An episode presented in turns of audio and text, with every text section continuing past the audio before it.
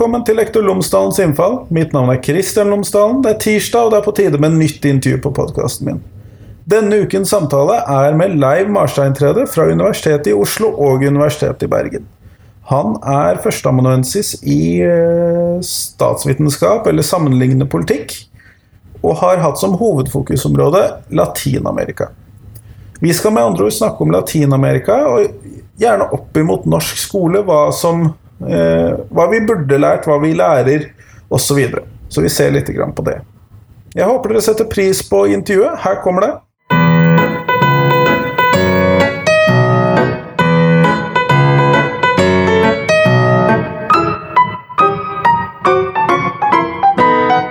Tusen takk, Leif, for at jeg har fått lov til å komme og besøke deg på kontoret ditt på Universitetet i Bergen.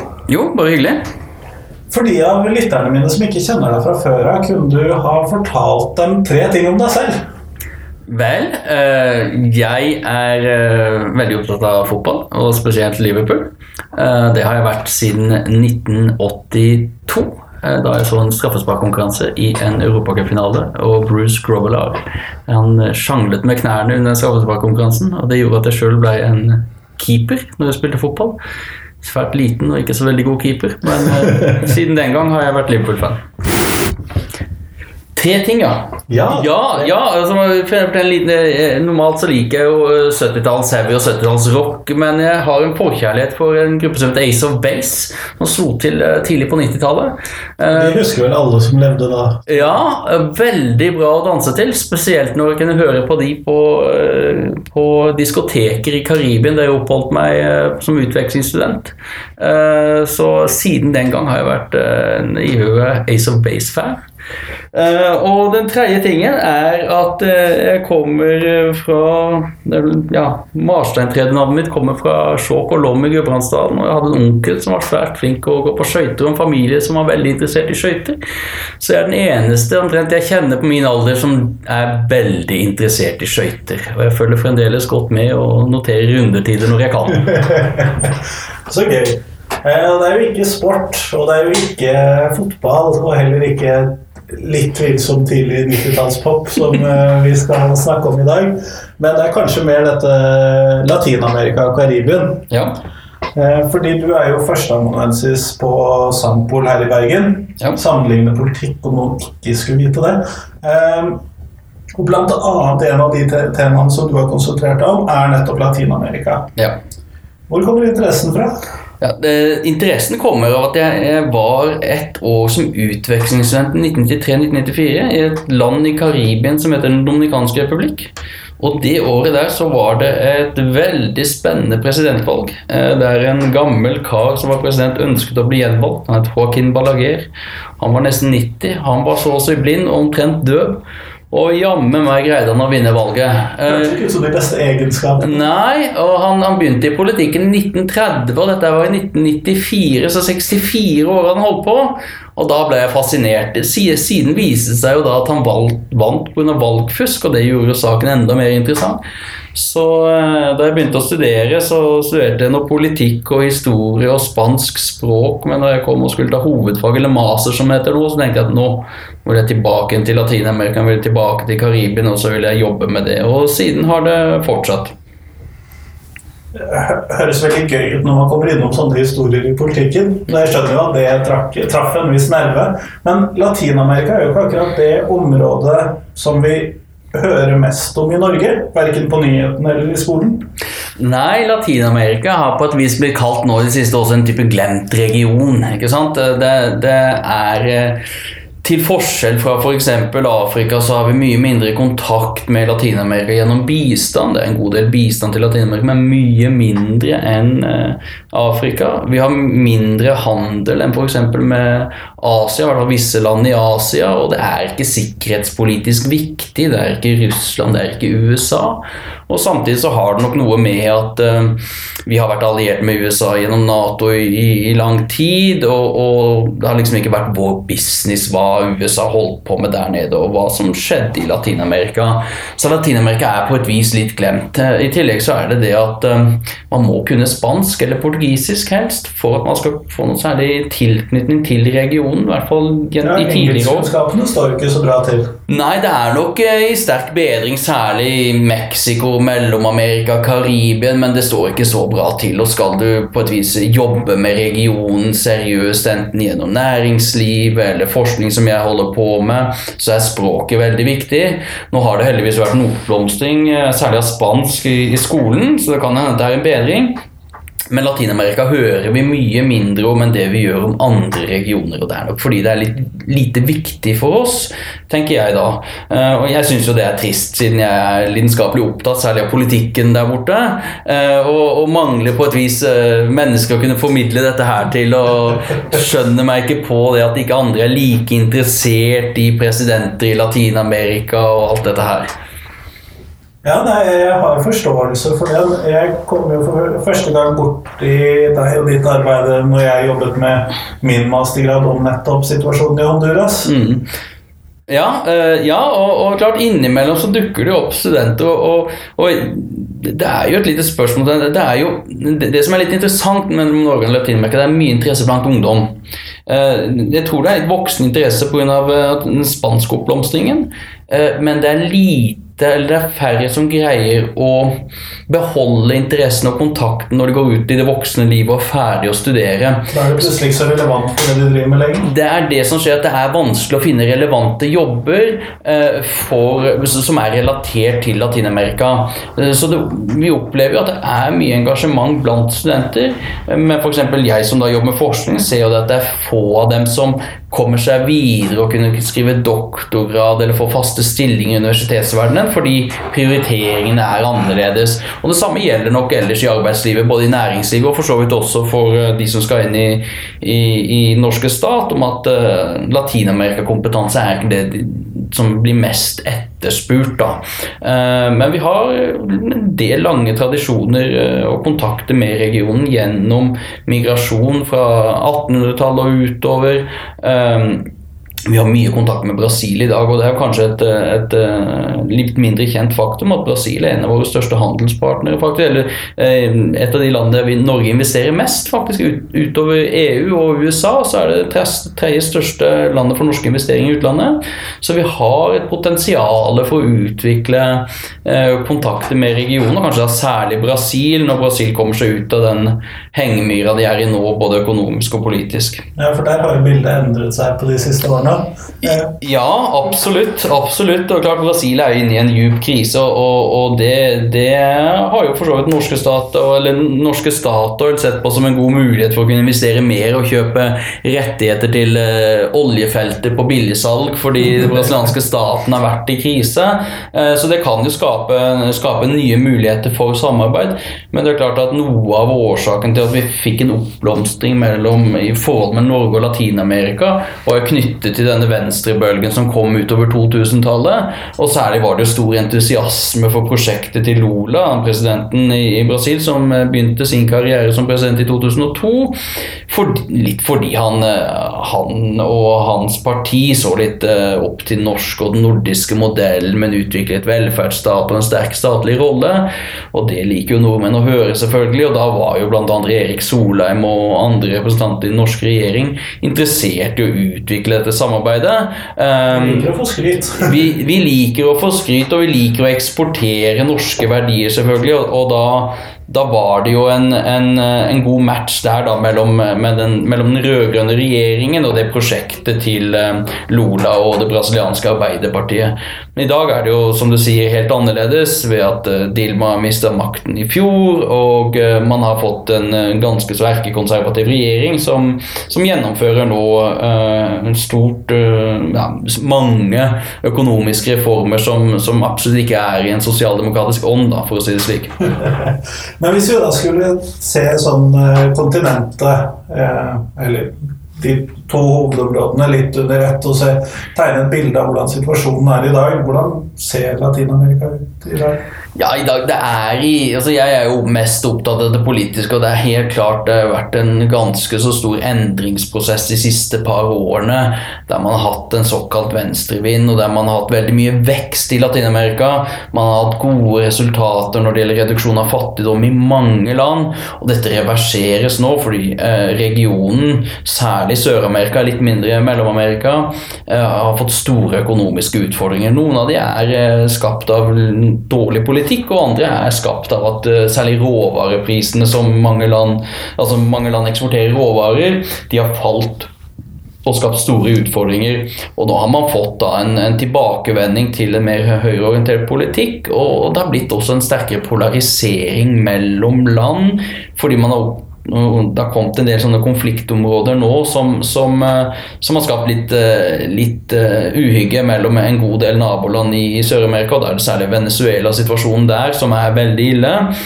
Som har gjort at man at, at, det er skapt større avstand mellom naboland som Venezuela og Colombia, Venezuela og Brasil. Venezuela alle? Eh, Venezuela alle, ja, men med unntak da visse, f.eks. Cuba, Bolivia, Ecuador, som fremdeles tilhører da eh, Som holder igjen der venstresiden fremdeles holder makten. Eh, men, men, så er det skapt sånn litt mer uhygge mellom disse landene. Eh, og så preges jo regionen, særlig Mellom-Amerika og Mexico, av av vold og voldsproblematikk. ikke sant? Narkotikakriminalitet, gjengproblematikk, migrasjonsstrømmer eh, som, eh, som, vi leser mye om i dag med tanke på hvem det er som sitter i presidentembetet i USA. ikke sant? Så snakker om å bygge en mur til Mexico. Store samfunnsmessige utfordringer som på et vis har ligget der eh, i mange år, men som har kommet litt på agendaen nå, og som vi får lese mer om i Norge. Kanskje, for, kanskje mest fordi Donald Trump har satt eh, på sitt vis da, på agendaen i amerikansk politikk. og Det er jo også litt typisk hvordan vi lærer om Latin-Amerika og Norge.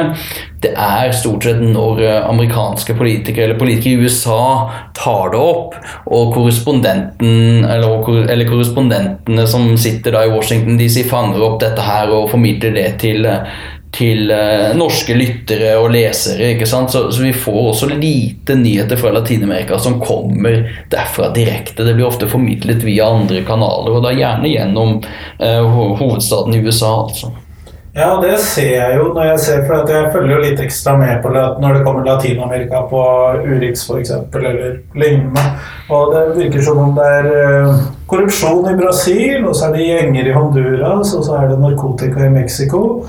Og så er det pe pengetrøbbel i Venezuela. Ja, de fire. Ja da, og, og, og, det er jo typisk det at, at, det er sånn krisestoff og konfliktstoff som trekkes fram. ikke sant? Og, og mediedekningen i Norge lider jo litt av uh, at det er på et vis Latin-Amerika er den eneste regionen der NRK f.eks. ikke har en egen korrespondent. ikke sant? Har en egen for Tyrkia? Så. Ja, ikke sant? Så, så, så uh, og, det, og, det, har man ikke. Og det er klart at da er man også mye mer prisgitt hva, uh, hva som ellers fanges opp av internasjonale nyhetsbyråer, eller hva norske journalister leser i amerikanske aviser osv. Um, og man, har ikke den samme grunnkunnskapen til å, å formidle og vurdere kritisk de, de tingene, de, de, nyhetene som dukker opp. Da. Og, og det er klart at det, det, det svekker jo selvfølgelig også dekningen av regionen i Norge, og er kanskje også med på Kanskje en med, medvirkende årsak til at interessen ikke er stor nok. Da. Uh, men det er klart det er mye annet som skjer uh, utover dette med konflikter, og mitt perspektiv er jo også det at strengt tatt så går det jo stort sett bra. altså Det er ikke mer enn 30-40 år tilbake, for da hele regionen stort sett var ledet av militærregjeringer som var mer eller mindre brutale, så henger det igjen selvfølgelig mange ulike sosiale problemer, særlig i Mellom-Amerika. Eh, men hvis vi ser de siste 10-15 årene utviklingsmessig, så, så, er det fremdeles en positiv trend, selv om man har møtt en bøyg nå, særlig på den økonomiske siden. Det er jo ikke så mange kupp lenger, f.eks. Nei, vi krangler jo litt om det i mediene, jeg og en del andre. Men, men nei da, det er ikke så mange kupp når vi tenker på kupp som disse tradisjonelle militærkuppene. eh, Og de regjeringsendringene man har sett når eh, Dilma blir straffet i en riksrettssak, de medfører jo ikke vold.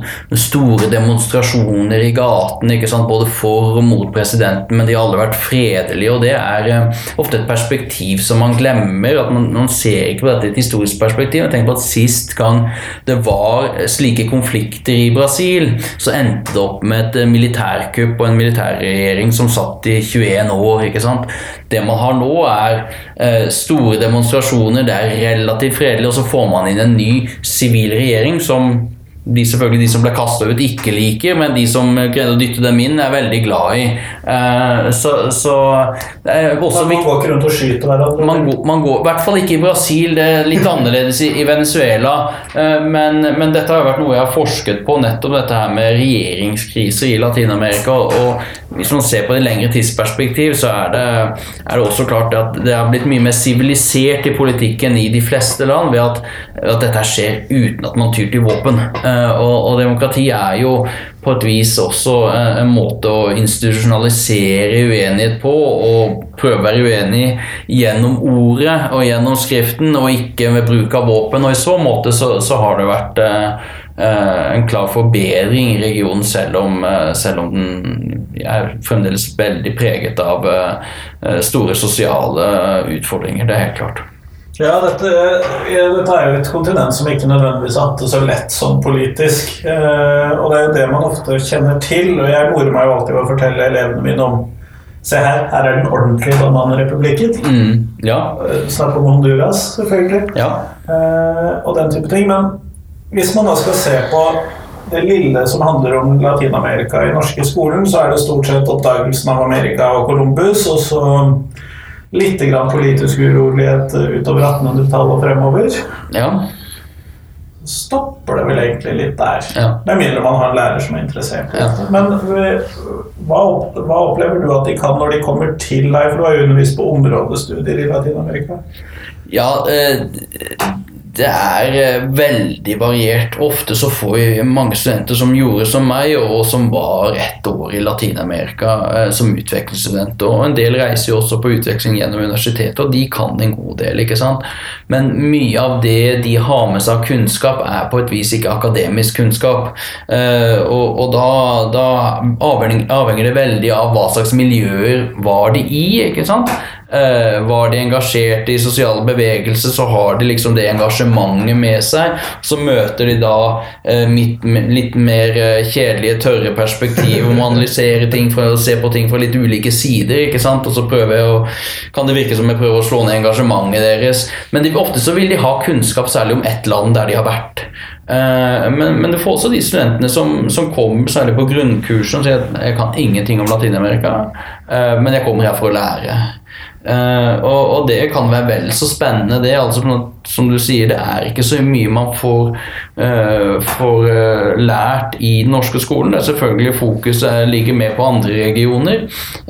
Og jeg har prøvd å lese meg litt opp på hva som undervises om Latin-Amerika i, i spansk språk, og det er også veldig, veldig tynt, selvfølgelig. så så å undervise i Latin-Amerika, som jeg har gjort på Universitetet i Oslo, så da, da starter man veldig grunnleggende og skal ikke, forventer ikke så mye kunnskap eh, sånn innledningsvis. Begynner å plassere her i kartet.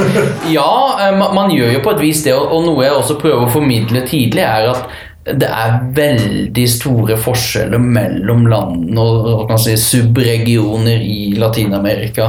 Eh, for å ta et eksempel så er det større rikdomsforskjeller mellom Chile og Bolivia, som er naboland, enn det er mellom Chile og USA. Så du ser det på det økonomiske, så ligner Chile egentlig mer på USA, men vi tenker på det som Latin-Amerika. ikke sant? Eh, så det er svært store forskjeller eh, mellom de ulike landene i, regionen, slik at det er en veldig variert region.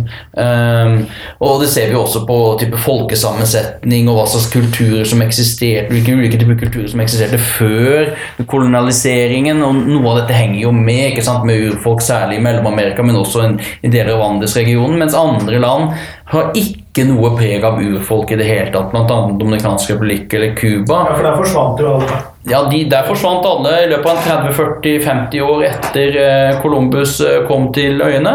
Og så har du også land som Argentina der eh, og, og Uruguay der det finnes urfolk, selvfølgelig, men, men, som er en mye mindre andel av befolkningen. Så du kan si at den dominerende kulturen eh, er mer type europeisk, da, hvis man kan bruke sikkert generelle termer.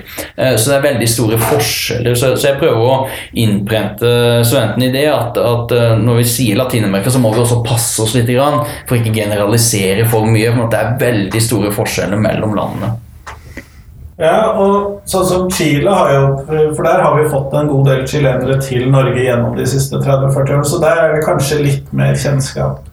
Ja, I hvert fall der hvor de har bosatt seg? Ja, uh, ja absolutt. Altså, vi, vi, har jo Vi fikk jo uh, Det var mange chilenere som kom til Norge etter kuppet til Pinochet i 73, så, så vi har på et vis alltid hatt, eller ikke alltid, men i hvert fall siden den perioden, hatt et relativt nært forhold til Chile gjennom chilenere som bosatte seg her i Norge, og som nå selvfølgelig også har fått barn, men også sikkert holder mye kontakt med i hjemlandet. Så har vi også en god del eh, nære kontakter med, med, en del andre land, bl.a. Guatemala, eh, der Norge var engasjert i fredssamtaler i sin tid, også gjennom eh, Nobelprisen, fredsprisen til Rigoberto Menchú, og ved at vi har hatt ambassade der i lengre perioder og hatt en engasjement gjennom bistand i, i Mellom-Amerika, men særlig gjennom Guatemala. Så, så der også er det mange kontaktflater. også på urfolkssiden med Universitetet i Tromsø. Eh, hatt mye kontakter med urfolkbevegelser i Guatemala. Uh, og så har vi selvfølgelig de som uh, er mer sånn revolusjonselskere, så, som har opprettholdt et, et forhold til Cuba og den cubanske revolusjonen. Og og bl.a. her på Universitetet i Bergen så er det jo på spansk og latinamerikastudier så er det mye fokus på Cuba bl.a.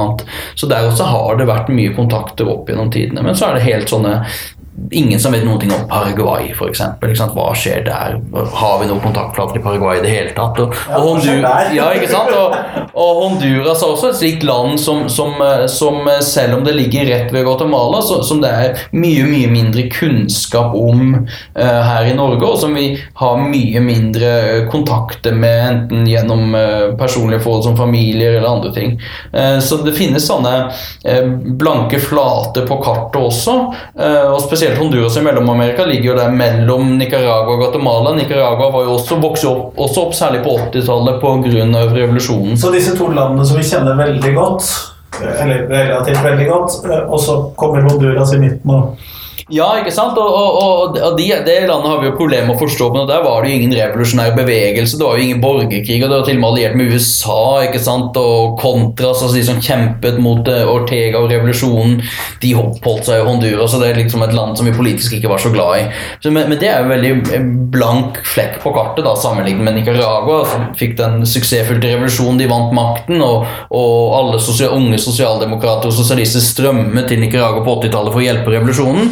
Så har du Guatemala, som, som vi har opprettholdt mye kontakt med eh, gjennom eh, fredsengasjementet vi hadde, og, og, og, og, i perioden etter. De som var så veldig glad i Nicaragua da, være ganske dypt skuffet over Ortega i dag. Ja, det tror jeg nok de er. De snakker ikke så mye om det. Eh, men, men det er jo klart det at uh, altså man er jo politisk engasjert, og, og, når det kommer slike ledere, og man har lest historien om, om urettferdighet og diktatorer, og, og det kommer inn en, en, ung bevegelse her som på et vis sier de rette tingene, og, uh, så, så, så, så, vil jo ofte engasjert ungdom være med i slike prosesser, prosesser og, kunne hjelpe til. Men det er jo klart det er det som ofte skjer med sånne bevegelser eh, som Ortega-leda eller Castro. ikke sant? Det, det, ser veldig eh, flott ut eh, til å begynne med, og så, og så, tar det ofte en retning som man ikke helst vil være bekjent med. Og, de som da har engasjert seg til forsvar for dette her, de bruker nok litt lengre tid på, på å backe ut eller komme med kritikk. Og Ofte så vil de da være stille. og Vi ser jo litt av det samme i dag når det gjelder Venezuela, der chavist-revolusjonen skapte et veldig engasjement med en gang han erklærte seg som sosialist. Eh, og nå som dette har gått veldig ille, så er det på et vis veldig stille om Venezuela eh, fra den siden som var engasjerte. ikke sant? Så, så, så det, det, er jo sånn det er. Men, men, det er jo Jeg tror ikke det har så mye nødvendigvis at at Ortega har blitt en konservativ eh, Eller en erkekonservativ nærmest diktator i Nicaragua. Det har nok ikke så mye med at han en gang sa han var sosialist å gjøre, men det er nok mer noe ved den politiske kulturen i disse landene, der det er vanskelig å etablere demokrati slik vi eh, liker å forestille oss det her, eh, her i Norge. Da. Eh, så de utfordringene ville nok enhver en leder ha hatt eh, i Nicaragua og for så vidt eh, på Cuba, kanskje. Eh, som trenger ikke nødvendigvis ha med sosialisme å gjøre, men, men, men, det er jo også land som ikke hadde noen tradisjon for, for å etablere dem, eller for et etablert Heller det stikk motsatte? absolutt det stikk motsatte. og Det var jo derfor ungdommene tok til våpen. Uh, for å, å, prøve å fjerne de diktatorene som hadde styrt. ikke sant, Både på Cuba og Nicaragua så var det jo familiedynastier nærmest som styrte. ikke sant, og, og, og, regimene var veldig identifisert med den øverste lederen. og, og slike regimer tenderer til å ende voldelig. Og i disse tilfellene så var det da en gruppe ungdom som erklærte seg som revolusjonære, som, som da tok makten siden og, og, og ikke nødvendigvis uh, greide å etablere regimer som, som, så så mye penere ut enn det som de hadde fjernet. da. Nei, Det er ofte et problem med å gjøre revolusjon, at du blir til den du prøvde å bli kvitt. Ja, eh, og helt klart, man, man ser jo parallellen i Nicaragua, så er det jo veldig spesielt. ikke sant, at Der var det jo på et vis eh, et familiedynasti som, som styrte, og nå, nå har jo Ortega på mange mange vis det samme ved at hans kone nå sitter som visepresident, og gamle Daniel begynner å bli gammel. ikke sant? Så hvis han skulle falle fra, så er det kona hans altså som overtar makten. Og da, Ser aldri pent ut, det. Nei, ikke sant? det gjør ikke det. Og, og da, da ligner det mye på det familiedynastiet som han eh, en gang kastet, altså. Men hvis vi da ser på situasjonen i Venezuela Når jeg bodde i Venezuela som utvekslingsstudent en gang tidlig på 2000-tallet, så var jo det rett etter kuppene mot uh, Chávez i april 2002. Ja. Det var vel en dobbeltkupp, så vidt jeg husker. Ett for og ett mot.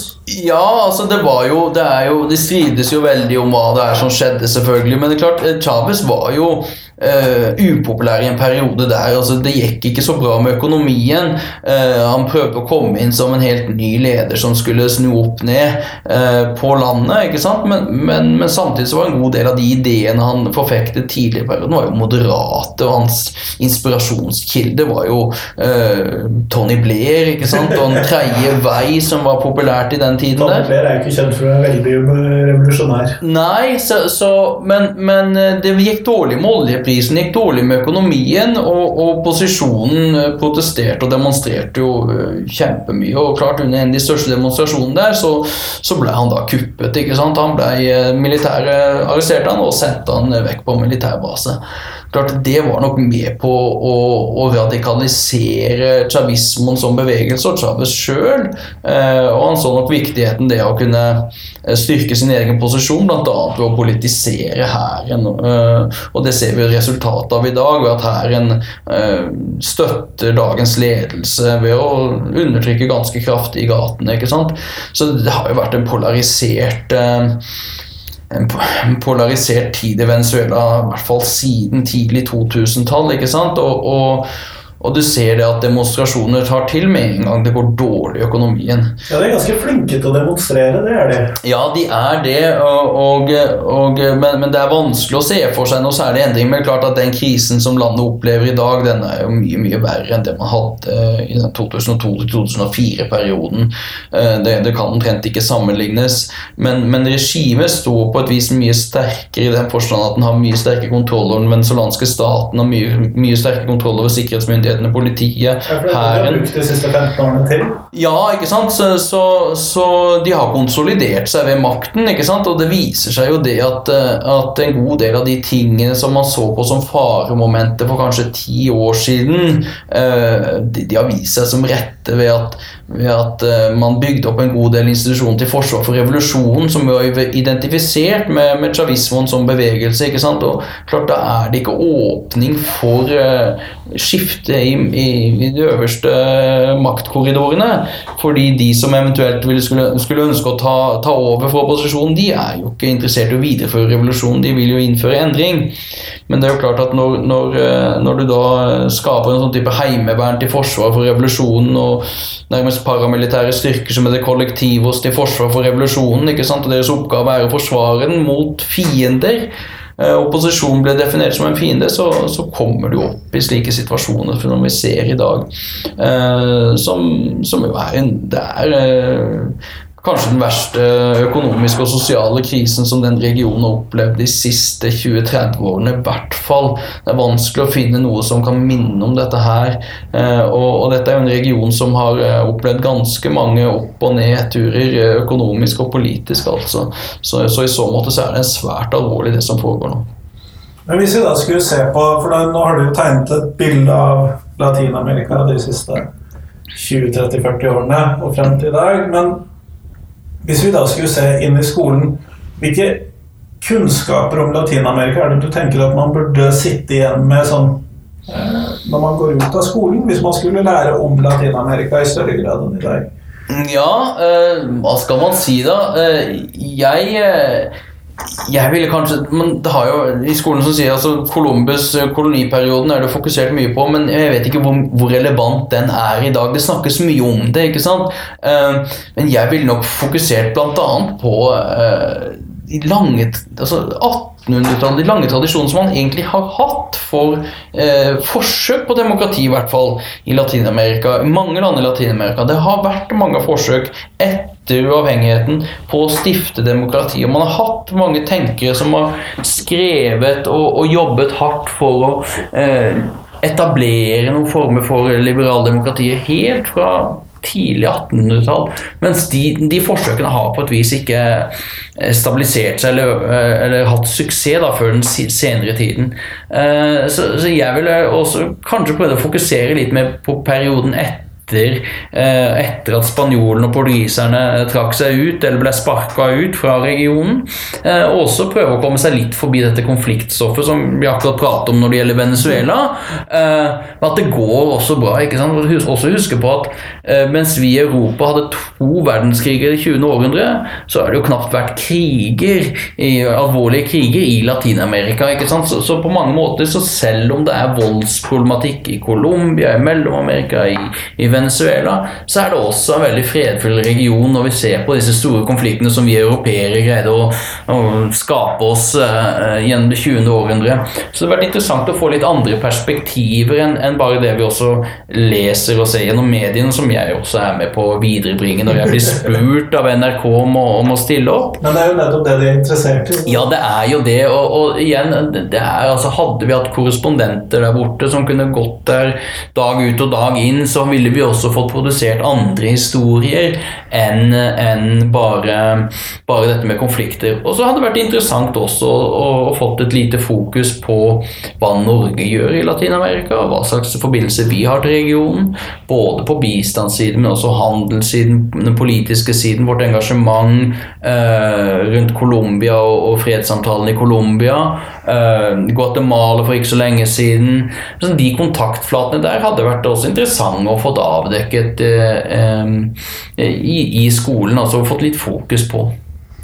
Ja, fordi at Når vi tenker på norsk fredsarbeid i utlandet, så tenker vi jo stort sett så er det Israel-Palestina-konflikten som er kjent. Og så ja. av og til Sri Lanka. Ja. Eh, men så har vi jo da vært inne i Guatemala, som du har snakket om. Vi har vært inne i Colombia ja. og flere andre land også andre steder. sånn at det, det blir jo ofte ganske begrenset til Israel-Palestina-konflikten hvis man først har det perspektivet. da. Ja da, nei, altså vi, vi, var jo inne i en periode, en tidlig periode når det gjaldt Guatemala og Mellom-Amerika. Det var nok ikke Norges rolle så stor, men, men, vi var absolutt med der. Og de erfaringene som man fikk der, eh, dro man da med seg videre. Og dette er jo ikke første nå, Når vi snakker om Colombia også, så er det ikke første gang at Norge har vært i Colombia. Vi var også så vidt litt engasjert i tidligere fredssamtaler i perioden 1998 2002 så var det bl.a. Jan Egeland var litt involvert i det. Eh, og en av årsakene til at Norge ble invitert til å bistå i denne siste fredsprosessen som, som har endt i en fredsavtale, var fordi Norge hadde vært til stede da for nå blir det nesten 20 år siden i Colombia. Eh, så, så, der har vi jo absolutt, eh, ser det ut til nå, i hvert fall vært mye mer heldigere enn en vi har vært i Israel-Palestina-konflikten, eller Sri Lanka for den saks skyld. Så der har vi absolutt hatt, hatt kommet med, med, interessante bidrag som det, som det, blir spennende å lese om framover, tror jeg, når vi får litt mer forskning på, på hva Norge har gjort, og, og, og de som har vært med i, i, forhandlingene, begynner å snakke litt om det.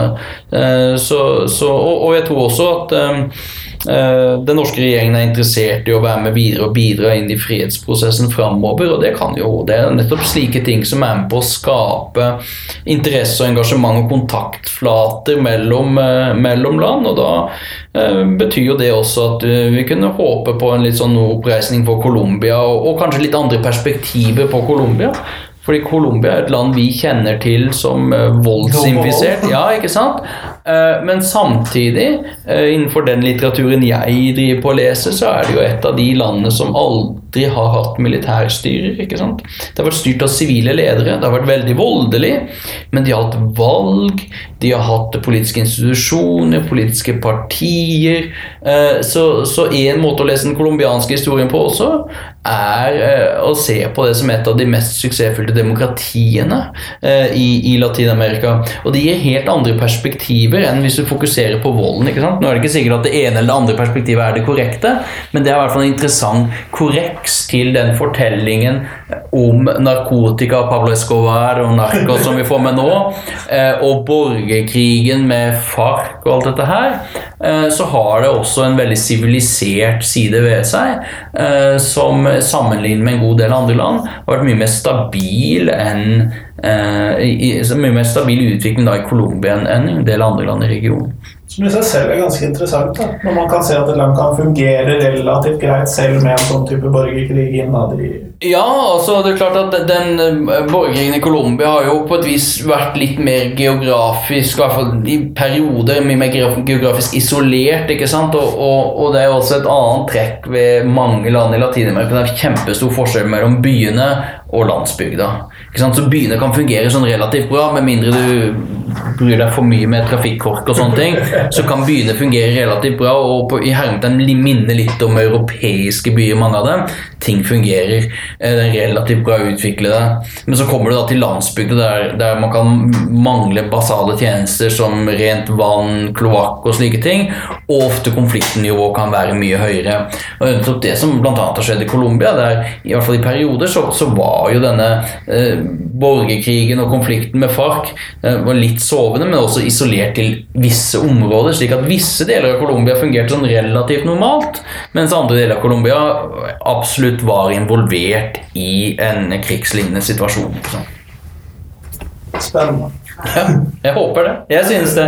Mye å putte inn, og mye som jeg tror at elevene ville kunne synes hatt dratt nytte av i forhold til å gjøre analyser av hvordan verden henger sammen, og hvordan ja. ting ikke nødvendigvis er så svart-hvitt. Ja. Men hvis vi skulle ta oss og avslutte podkasten her, så har jeg jo selvfølgelig mitt faste, gode spørsmål. Eh, og det er rett og slett hva ville du gjort startet med hvis du som eh, hadde fritt mandat og fritt budsjett til å kunne gjøre endringer i norsk skole? Leiv som skolediktator, med andre ord. Ja, riktig. ja. Eh, eh, siden vi har pratet så mye om Latin-Amerika, så måtte det selvfølgelig fått et eget fag. Eh, knyttet opp til både spansk og portugisisk. Eh, så jeg tenker at det har vært mye konflikt om et fag som heter KRLE eh, nå den siste tiden. Christian. Eh, det tenkte jeg at det kunne vi ha droppa. Dette med, med, etikk og religion og alt dette, det kan man lære på fritiden. Og så putter vi inn spansk, portugisisk og Latin-Amerika der. Um, så, så, så det, det, det, vil være én ting. en annen ting som jeg ser har vært mye debattert, er jo også sidemålskarakter og nynorsk. Jeg bor jo i Oslo på vei til å flytte vestover igjen. Så selv om jeg snakker litt sånn østlandsk og sånn, så er jeg veldig glad i nynorskfaget. Så, så, jeg tenker det at jeg ville ha styrket nynorsken, særlig på Østlandet. Um, og, og, sagt ja til å fjerne sidemålskarakteren så lenge sidemålet uh, var bokmål. Um, Det trenger vi ikke. Det kan vi lese i aviser og alt sånt, så det, det trenger vi egentlig ikke så mye undervisning i. Eh, og så har jeg en siste ting da, som jeg følte man kunne ha satset litt mer på. eh, Basert delvis på mine egne erfaringer eh, med valgfag på ungdomsskolen under- under en, eh, en veldig kjekk eh, lærer som het Bjørn Mæland, og det er bridge. Bridgeundervisningen, jeg har ikke fulgt så mye med, men jeg føler at den har blitt ignorert eh, i det norske skoleverket. Eh, så den syns jeg også kunne vært styrket. Eh, kanskje ved å Jeg vet ikke hva slags fag vi kunne ta vekk. Men engelsk får man det mye nå gjennom internett og Netflix og TV og sånn, så vi kunne redusert den noe. Og hatt bridgeundervisning. Det er jo interessant å høre noen som endelig også sier hva de vil ha bort når de skal putte noe inn. Ja, ja nei, vi, vi må altså, Siden jeg underviser i statsvitenskap og, og sammenligner politikk, så, så er jo nettopp det et poeng. det at det, Når vi skal liksom prate om sånne ting, så, så, så, må vi også tenke på hva er det man skal eh, prioritere vekk. ikke sant? Eh, Så jeg må prøve å, prøve å holde meg til det jeg sjøl forfekter i, i eh, klasserommene her. Eh, Og en siste ting, jeg vil selvfølgelig styrke svømmeundervisningen. Eh, Det, det har også tror jeg blitt ignorert. eh, Og, eh, og gym kan vi også ta fjerne noen timer fra, så vi får mer svømming. Fordi barna og ungdommen kan leke på fritida, tenker jeg altså. Eh, Så det tror jeg ville gjort. Og så selvfølgelig, siden jeg sitter med en lærer, øke lærerlønningene. Tusen takk for det. Takk for at jeg fikk lov til å komme og snakke med deg. Jo, bare hyggelig. Takk for at jeg ble invitert til å snakke med deg.